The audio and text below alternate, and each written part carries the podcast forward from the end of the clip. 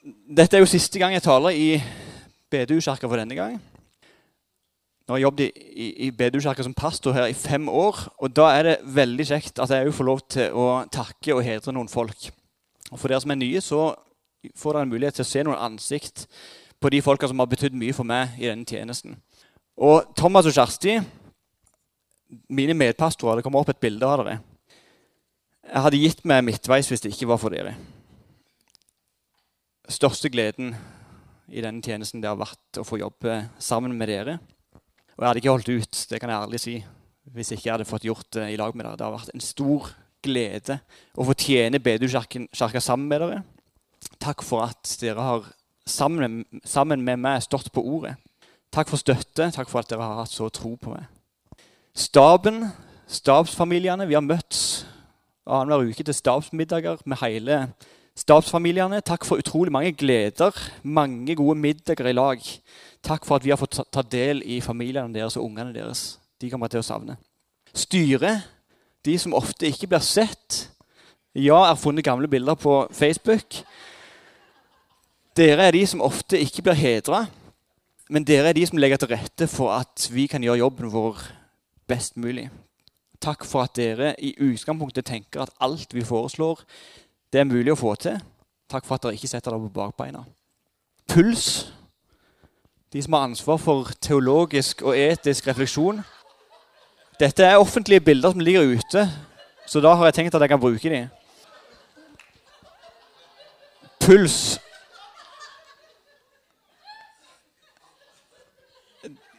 det er jo ikke så lett å ha tillit til dette teamet når en ser på bildene. Men det er få jeg har mer tillit til enn disse folka. Jeg har satt enormt pris på den enheten vi har hatt disse årene. Og sammen så har vi lengta etter å være nær ordet, og vi har jaga etter å høre hva Gud sier til menigheten. Huspastorer, de som leder de små gruppene, dere er noen av de aller viktigste folka. Og dere er noen av de som har fått jobbet tettest med disse årene. Dere har tatt på dere byrden og vekta og bære ansvaret for en liten Jesusfamilie. Takk for at jeg har fått følge dere opp. Lovsangshøddel, lovsangslederne. Det er få som har delt felles hjerte med, sånn som disse folka. Og det er et hjerte etter Gud og det er et hjerte etter at han skal bli løfta opp. Fortsett å ha et mye større hjerte for Gud enn for lovsang. Dere er noen av heltene mine. Huskjerka mi Dette er de folka som har vært villige til å snakke engelsk hver uke for at Carly skal få ha en liten åndelig heim. Dere er mine helter. Dere er min nærmeste åndelige Jesusfamilie og jeg er utrolig glad i dere. Hadde vi ikke hatt dere, så hadde livet vært vanskelig. Mye vanskeligere for Carly. Og dette er jo menigheten for meg. Det er ikke form, det er ikke farge, det er ikke arrangement eller aktiviteter. Det er jo folk. Menigheten er alle de små og store heltene. Det er alle dere som, eh, som bare er her. Det er menigheten for meg. Og For meg så er dette verdens beste menighet. På langt nær perfekt, men med et hjerte av gull. En lengsel etter Jesus og en lengsel etter å ta ting lenger. Og I denne menigheten fikk jeg tidlig ansvar. Jeg ble løfta opp, og her vokste jeg i troa. Og jeg er evig takknemlig for dere, for at dere har gjort meg til den jeg er, og for at jeg har fått møte Jesus her. Takk for at dere var tålmodige med meg når jeg trengte tid til å finne meg sjøl i denne rolla. Takk for alle gode samtaler, takk for alle gode blikk. Takk for alle som har bedt for meg, og som fortsatt ber for meg. Det har vært et stort privilegium å få tjene dere disse fem åra. Og det ser jeg tilbake på med takknemlighet. Så skal jeg fokusere på det som jeg har på hjertet i dag. Det har surra i hodet mitt dette ordet som er oppbrudd, om å bryte opp. I huset vårt for tida så er senga demontert. Vi ligger på en madrass i stua. På alle kanter av oss så står det kasser med ting som er pakka vekk. Det er skikkelig oppbruddsstemning i heimen vår for tida. Og oppbruddsstemning har vi forskjellig forhold til. Hvis det er et godt lag, så oppleves jo oppbruddsstemning som noe forferdelig kjedelig. Når en merker at folk begynner å puste litt tyngre og skal akkurat til å løfte på veska eller ta på seg jakken og si ja vel, nå er vel tida kommet. Folk begynner å kikke på klokka. Og jeg er en av den største motstanderen av oppbruddsstemning. Jeg liker det ikke i det hele tatt. Hvorfor vil du bryte opp når, når, når, vi hadde det så fint? Kan du ikke være litt lenger? Og jeg har, jeg har stor frimodighet på å holde folk igjen i stolen for at laget skal bli værende en stund til. For at ikke oppbruddet skal skje helt enda. Hvis det er et dårlig lag, så oppleves oppbruddsstemning som en stor frihet. Det er desto bedre når det endelig blir oppbrudd. Og jeg, jeg, har jo alltid hatt en eventyr i magen min. Jeg har alltid hatt en lengsel etter å bryte opp fra det som er kjent og trygt, og oppdage det ukjente og det utrygge. Og jeg var alltid klar over at Gud var glad i meg. Det var aldri en sannhet som jeg tvilte på. Men jeg visste ikke at Gud ville ha meg med på sine eventyr. I et telt i Afrika for elleve år siden så bekrefta Gud meg på, på dypet og sa Torstein, du er en eventyrer, og det liker jeg med det. Og For første gang så ble Gud ikke bare min far, men han ble min herre. Som leda meg, og som tok meg med på eventyr. Og det førte meg ut på nye eventyr. Ikke ute i den store verden, men hjem til Bryne, men på en helt ny måte. For Gud han er en eventyrer som vil invitere oss ut på eventyr. Og invitere oss til å bryte opp ikke nødvendigvis til å flytte til en ny plass i verden, men til å bryte opp fra der vi har tryggheten, fra der vi har komfort i, fra der vi har sikkerheten vår på forskjellige måter. Han vil lokke oss ut litt av boksen for å oppdage det spennende livet han har for oss, når vi våger oss ut på dypt vann.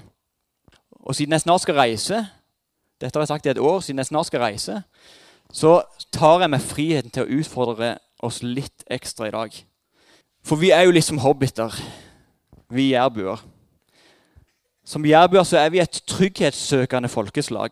Vi liker komforten i et varmt hus, vi liker fyr i peisen. Vi liker å sitte inne og høre regnet slå på vinduet. Vi elsker tradisjonene med jul, med risgrøt på lørdager og taco på fredagskveld med familien. Og vi er stort sett fornøyde hvis vi kan ha en fredelig hverdag uten for mye sprell som tar oss ut av komforten. Da er livet godt. Men så kom det jo en dag når Gandalf den grå kom og banka på døra til hobbiten Bilbo. En vanlig hobbit som elska tryggheten og freden i sitt eget hobbithull. Og Gandalf sa, 'Jeg ser etter noen å dele et eventyr med, og det er veldig vanskelig å finne noen.' Og Bilbo sa, 'Det kan jeg tenke meg. I disse kanter, vi er vanlige, rolige folk og har ikke bruk for eventyr.' Ekle, forstyrrende, ubehagelige ting. De får deg til å komme seint til middag. Jeg kan ikke forstå og noen ser i de. Og Gandalf svarer, du kommer til å få deg en historie eller to å fortelle når du kommer tilbake. For han visste at hobbiter elsker å samle og fortelle historier. Og Bilbo sier, 'Kan du love at jeg kommer tilbake?' Og Gandalf sier, 'Nei. Og hvis du gjør det, så kommer du ikke til å være den samme.' Og Oppbrudd kan være negativt lada. Men det kan være noe utrolig positivt òg. Å bryte opp kan høres farlig og skummelt ut. Men helt fra begynnelsen av så har Gud vist oss at han er en Gud som våger å bryte opp. Jeg påstår at verdens mest utenkelige oppbrudd var når Gud valgte å bryte opp. Gud som var et fullkomment fellesskap i seg sjøl som ikke trengte noen ting. Gud var Gud om det ikke fantes mennesker. Gud var Gud om alle mann var døde og alle land lå øde. Han hadde fint med tryggheten i sitt eget fellesskap. Så valgte han å bryte opp fra tryggheten og behageligheten med et fullkomment fellesskap. Det er utenkelig. Skapte jorda og mennesket i sitt bilde. Og viste i sin natur at det er en Gud som våger å ta risiko og trø ut av tryggheten. Og Det største oppbruddet er jo grunnen til at vi feirer jul. Gud brøyt opp fra himmelen, det kjente, for å ta en reise ut i det ukjente og det utrygge. Og det var ikke en lettvint vei for han, selv om han var Gud. Det var et risikoprosjekt uten sidestykke i verdenshistorien. En hellig Gud skulle ta på seg menneskeskikkelse, fullt og helt bli menneske, med alle dets svakheter, underordne seg reglene for mennesker, ikke fritatt for reell fristelse, ikke fritatt for smerte. Og hadde han gått mot sin egen natur og fortalt én hvit løgn, eller gitt etter for fristelse på én liten måte, så hadde Guds egen hellighet blitt skitna til. Og han hadde vært ute av stand til å frelse oss. Dette er så mye større enn vi kan forstå. Det hadde vært tryggere å la være. Da hadde han sluppet å risikere å skitne til sine egne hender. Men sånn er ikke Gud. Han er en eventyrets gud som tar risiko. Og Hadde han ikke gjort det, så hadde vi vært fortapt i vår egen synd og egoisme og avhengighet. Vi hadde vært uten håp om ikke Gud hadde blitt født som et lite barn. Og så sier vi i trosbekjennelsen han ble unnfanga ved Den hellige ånd og født av jomfru Maria. Han har grunna på den setningen. Den eneste i verdenshistorien, kanskje utenom Adam og Eva, uten en jordlig biologisk far. Og mest sannsynlig så ligner han på mor si. Tok DNA-et til mor si når det gjaldt hudfarge, kanskje ansiktstrekk. Og han gjorde seg til et hjelpeløst foster i mor sitt liv. Og Hadde abortloven vår vært gyldig den gangen, så hadde det raskeste vei og beste vei kanskje vært å fjerne fosteret for å unngå skammen. Både for mor som var ugift, og for forloveden som skulle gifte seg med en allerede gravid kvinne. Og Josef han ville skille seg i stillhet. Men skammen var åpenbar. Så liten gjorde Gud seg. Så stor risiko tok han. Han fikk ikke et språk på unaturlig tidlig vis. Gjorde foreldrene feil i oppdragelsen, så tok han ikke på seg Guds skikkelse igjen og løfta stemmen. Men helt og fullt menneske ble han. 100% Og akkurat dette var en av de store diskusjonene i den tidlige kirkehistorien. Var Gud egentlig helt menneske som Jesus? For noen sa og påsto at han tok bare på seg et skinn og den store Jesus-filmen eh, fra 70-tallet, en stor Hollywood-produksjon, produsert film, der Jesus jeg har lagt merke til det, Jesus aldri blunker. Han har bare et, sånn et overåndelig blikk som gjør at det virker som han ikke er helt hjemme i sitt eget skinn. Han har ikke helt kontakt med folk. Det er liksom ikke det der menneskelige nærheten som en har til andre folk. Bare står sier salige ting og ser veldig åndelig ut. For en har en tanke om at Jesus var ikke helt menneske. Han var ikke helt menneskelig.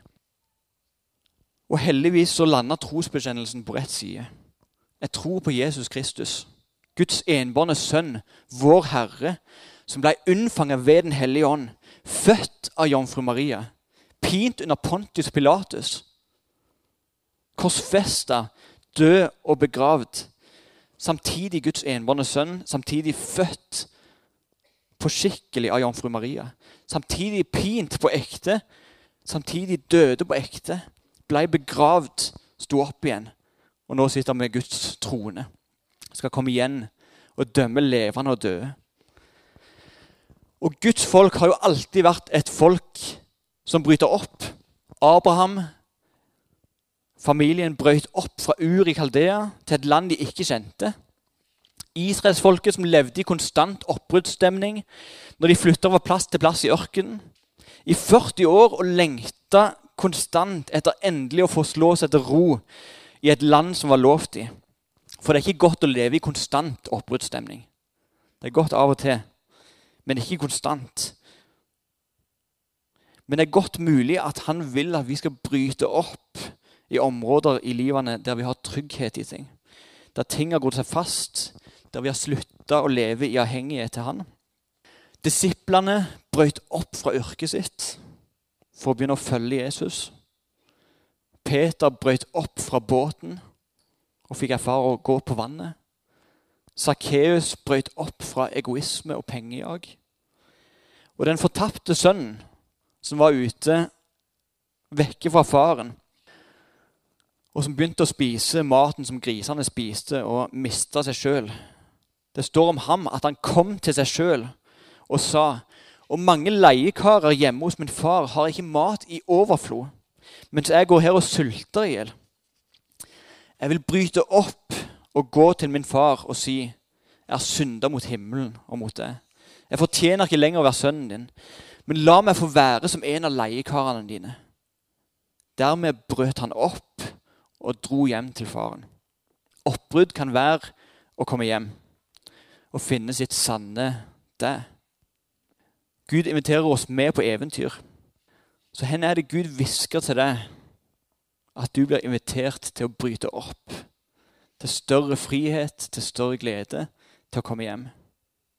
Og Det er noe godt å leve i en eller annen form for risiko. Noen er jo mer risikosøkende enn andre. Noen er mer trygghetssøkende. Men i risikoen så får en teste seg sjøl. Og i risikoen så får en sette seg i en posisjon der Gud må stille opp. Og det er en god plass å være. Det er bedre å være i en plass av avhengighet til Gud enn å være i trygghet tilsynelatende uten Gud. Evangeliet i sin natur er jo et evangelie som bryter opp. Som bryter nytt land. Som valgte å ikke bli værende på stedet hvil, men som gjorde krav på å krysse grenser og bryte opp. Det siste Jesus sa til disiplene før han brøt opp, det var Vi er gitt all makt i himmel og på jord. Gå derfor ut, eller bryt derfor opp, og gjør alle folkeslag til disipler. Og Helt siden da så har evangeliet brutt nytt land og kryssa grenser og nekta å bli værende og stå i ro. Disiplene de reiste fra det de kjente, for å gi fortellingen om Gud til folk som ikke hadde vokst opp i kristne heimer, og som ikke hadde hørt søndagsskolefortellingene når de var bitte små. Og Hvor hadde vi vært i dag hvis ikke disiplene hadde våga å forlate tryggheten inn i eventyret og inn i det ukjente? Hvor hadde vi vært hvis de hadde slått seg til ro med at Gud elska dem, men det ble med det? De hadde gått på møter for sin egen del. De hadde levd på den gode følelsen helt neste søndag og vært fornøyd med å skape en trygg hjem for ungene. Og Nå skal jeg jo reise snart, så nå får jeg utfordre dere litt ekstra. For Gud beveger seg, og evangeliet beveger seg, og de gjør krav på å bevege seg. Og Derfor trenger vi å bevege oss, ikke nødvendigvis til et nytt land. Kristne til alle tider har vært et folk som våger å bryte opp for evangeliet. Enten det er over gjerdet til naboen, eller det er over kassa i butikken, eller det er til et unådd folkeslag der navnet Jesus aldri har blitt nevnt. Vi er alle kalt til å bryte opp og krysse grenser dersom Gud kaller det og leder det. For de fleste av oss er det på Bryne og Jæren. For noen av oss så er det kanskje andre plasser. Jeg har alltid blitt inspirert av irske munker i middelalderen som hadde forstått dette her konseptet om at evangeliet gjør krav på å bryte opp. Og De visste ikke hvor de skulle, men de satte seg i båter uten årer for å gi evangeliet til der vinden, eller der Den hellige ånd, førte de. På nyhetene i det siste så har vi hørt om en ung amerikansk misjonær som heter John Allen Chow, som mista livet i forsøket på å besøke ei lita øy utenfor India som ikke hadde hatt besøk av utenforstående på flere generasjoner. Og Det har vært en heftig diskusjon rundt han for de som har fulgt med. I media om hvor tåpelig dette forsøket var. Både kristne og ikke-kristne har vært tydelige på at dette var tåpelig. Og vi kan diskutere og ha meninger om det var lurt strategisk, om det var rett timing osv. Men jeg vil veldig gjerne hedre denne mannen og motstanderen sitt. For det er nok av folk som kaster stein. John Allen Chow var 26 år gammel og hadde et brennende hjerte for Jesus. Han hadde et brennende hjerte etter å gi fortellingen om Jesus til folk som aldri hadde hørt om det. Og I flere år så drømte han om å besøke denne øya, Nord-Sentinel, langt utenfor India. Totalt unådd. De som bodde der, hadde sannsynligvis aldri hørt navnet Jesus. Og alle forsøk på å komme inn på øya førte til at folk ble jaga av gårde eller mista livet. Og John han hadde studert dette folket. Det var ikke et naivt, spontant øyeblikk av tåpelig eventyrlyst. Han visste hva han risikerte. Ryktet om dette folket hadde han hørt om. Han visste at han ikke var velkommen. I flere måneder på forhånd så hadde han klimatisert seg sånn at det skulle være minst mulig fare for at han kom med virus eller smitte som lokalbefolkninga på øya skulle få. Han var i kontakt med misjonsorganisasjoner. Og Noen dager før han døde, så skrev han dette i dagboka si. Dere må tro jeg er gal, men jeg tror det er verdt å dele Jesus med disse folka. Jeg vil ikke dø. Jeg håper at dette ikke er et av mine siste innlegg. Men hvis det er det, all ære til Gud. Og så reiste han, fikk en båt til Sjøran, ble sluppet av på stranda, løfta hendene og sa 'Jesus, jeg elsker dere'. Han kom med fredens evangelie. Og så ble han skutt med pil, og så døde han. Og Det som har fascinert meg med denne saken, er hvordan kristne over hele verden reagerer, og hva han tenkte på. Som om dette er noe nytt i misjonshistorien. Apostlenes gjerninger er jo fullpakka av historier om kristne som tar tilsynelatende tåpelige valg. Enorm risiko for å gi evangeliet om Jesus videre til folk som ikke kjenner han. No, og Noen av folke, folkeslagene som disiplene ga evangeliet til, var aggressive folkeslag. De risikerte steining og fengsling og livet sitt. Og Det er en grunn til at elleve av tolv disipler ble drept for troa si. Det var ikke fordi at de holdt seg rolige i sine hjem og unngikk alt som kunne lukte av eventyr, som Bilbo hadde så lyst til. Og I en del av misjonshistorien så var dette et kjent konsept. At til de mest aggressive folkeslagene, til de som var minst åpne for evangeliet, så måtte noen være de første til å reise inn og miste livet. For da ville det være litt lettere for neste misjonær. Og litt lettere for neste og litt lettere for neste. Helt til de ble vant med utenforstående og fikk innpass, og evangeliet kunne bli gitt. Det er et ufattelig konsept som ikke passer 2018 i det hele tatt.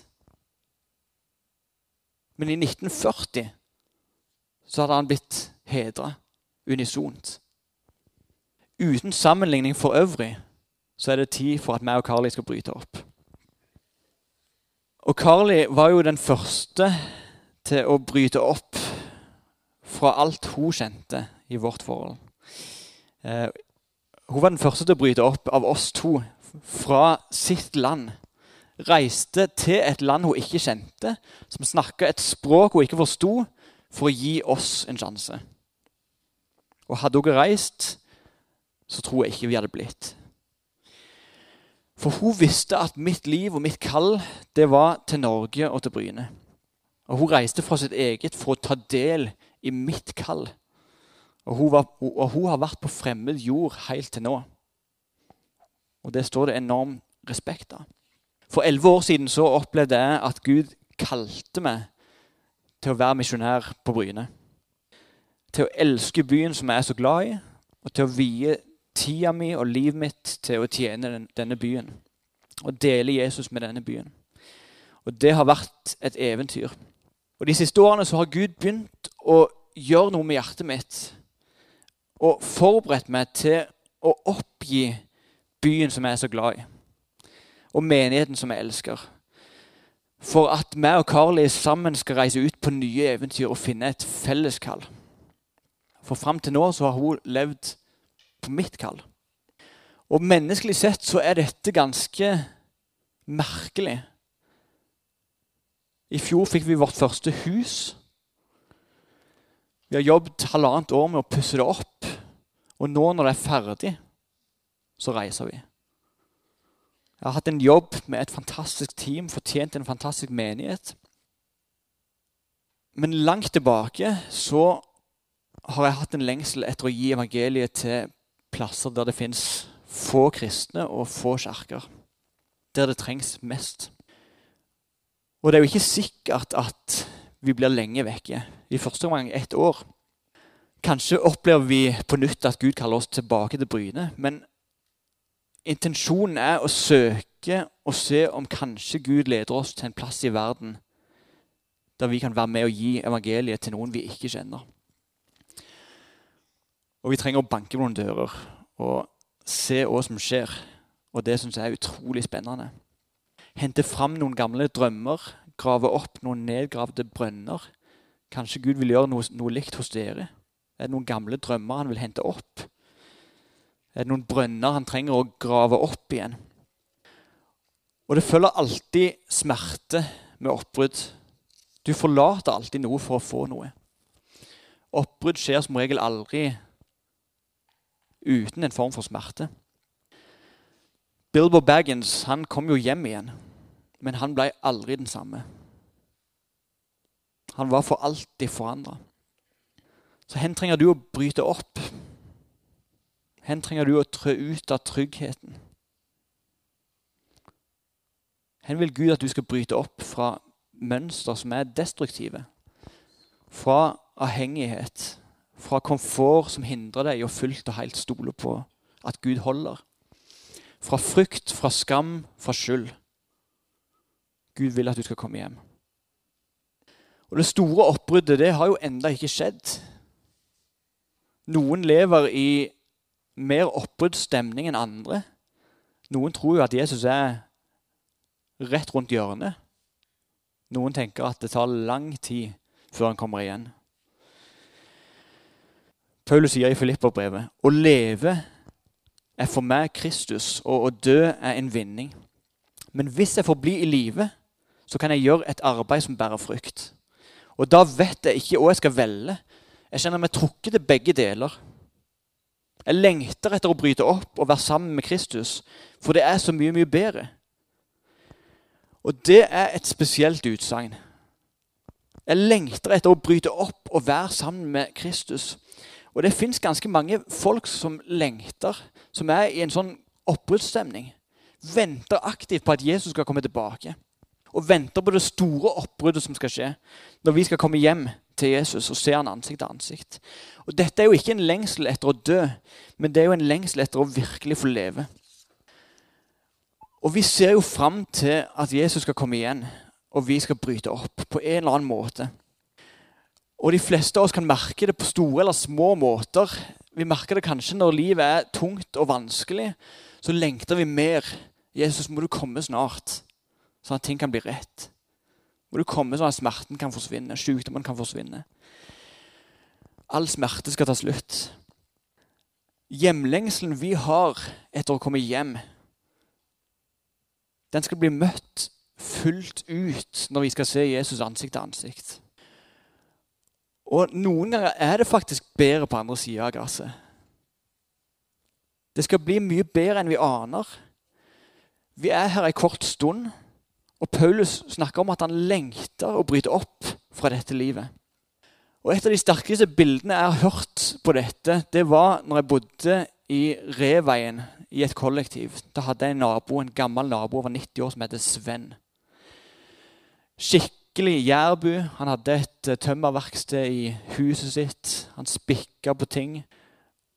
Snakket ikke med store ord. Snakket ikke så veldig åpent om følelser og ting han hadde opplevd. Men i det stille så fortalte han en dag en opplevelse han hadde hatt. 40-50 år tidligere. Og Da hadde han falt ned fra en stige, fortalte han. Og så opplevde han at hjertet stoppet, og han døde. Og Han opplevde når han døde, at han ble tatt med til himmelen. Nå må dere tenke på at dette er ikke noen overåndelig person. Dette er jærbuen over alle jærbuer. Sven, tømmermannen, som ikke snakka med store ord. Han fortalte at han ble tatt med til himmelen av en mann som førte han. Og han ble ført fra rom til rom. Og han hørte susen av lovsang. Og det lenger inn han ble ført, fra rom til rom, det sterkere ble den sangen. Helt til han til slutt ble ført til ei slette som var full av folk. Og sangen var som et brus, mye høyere enn det er på våre gudstjenester.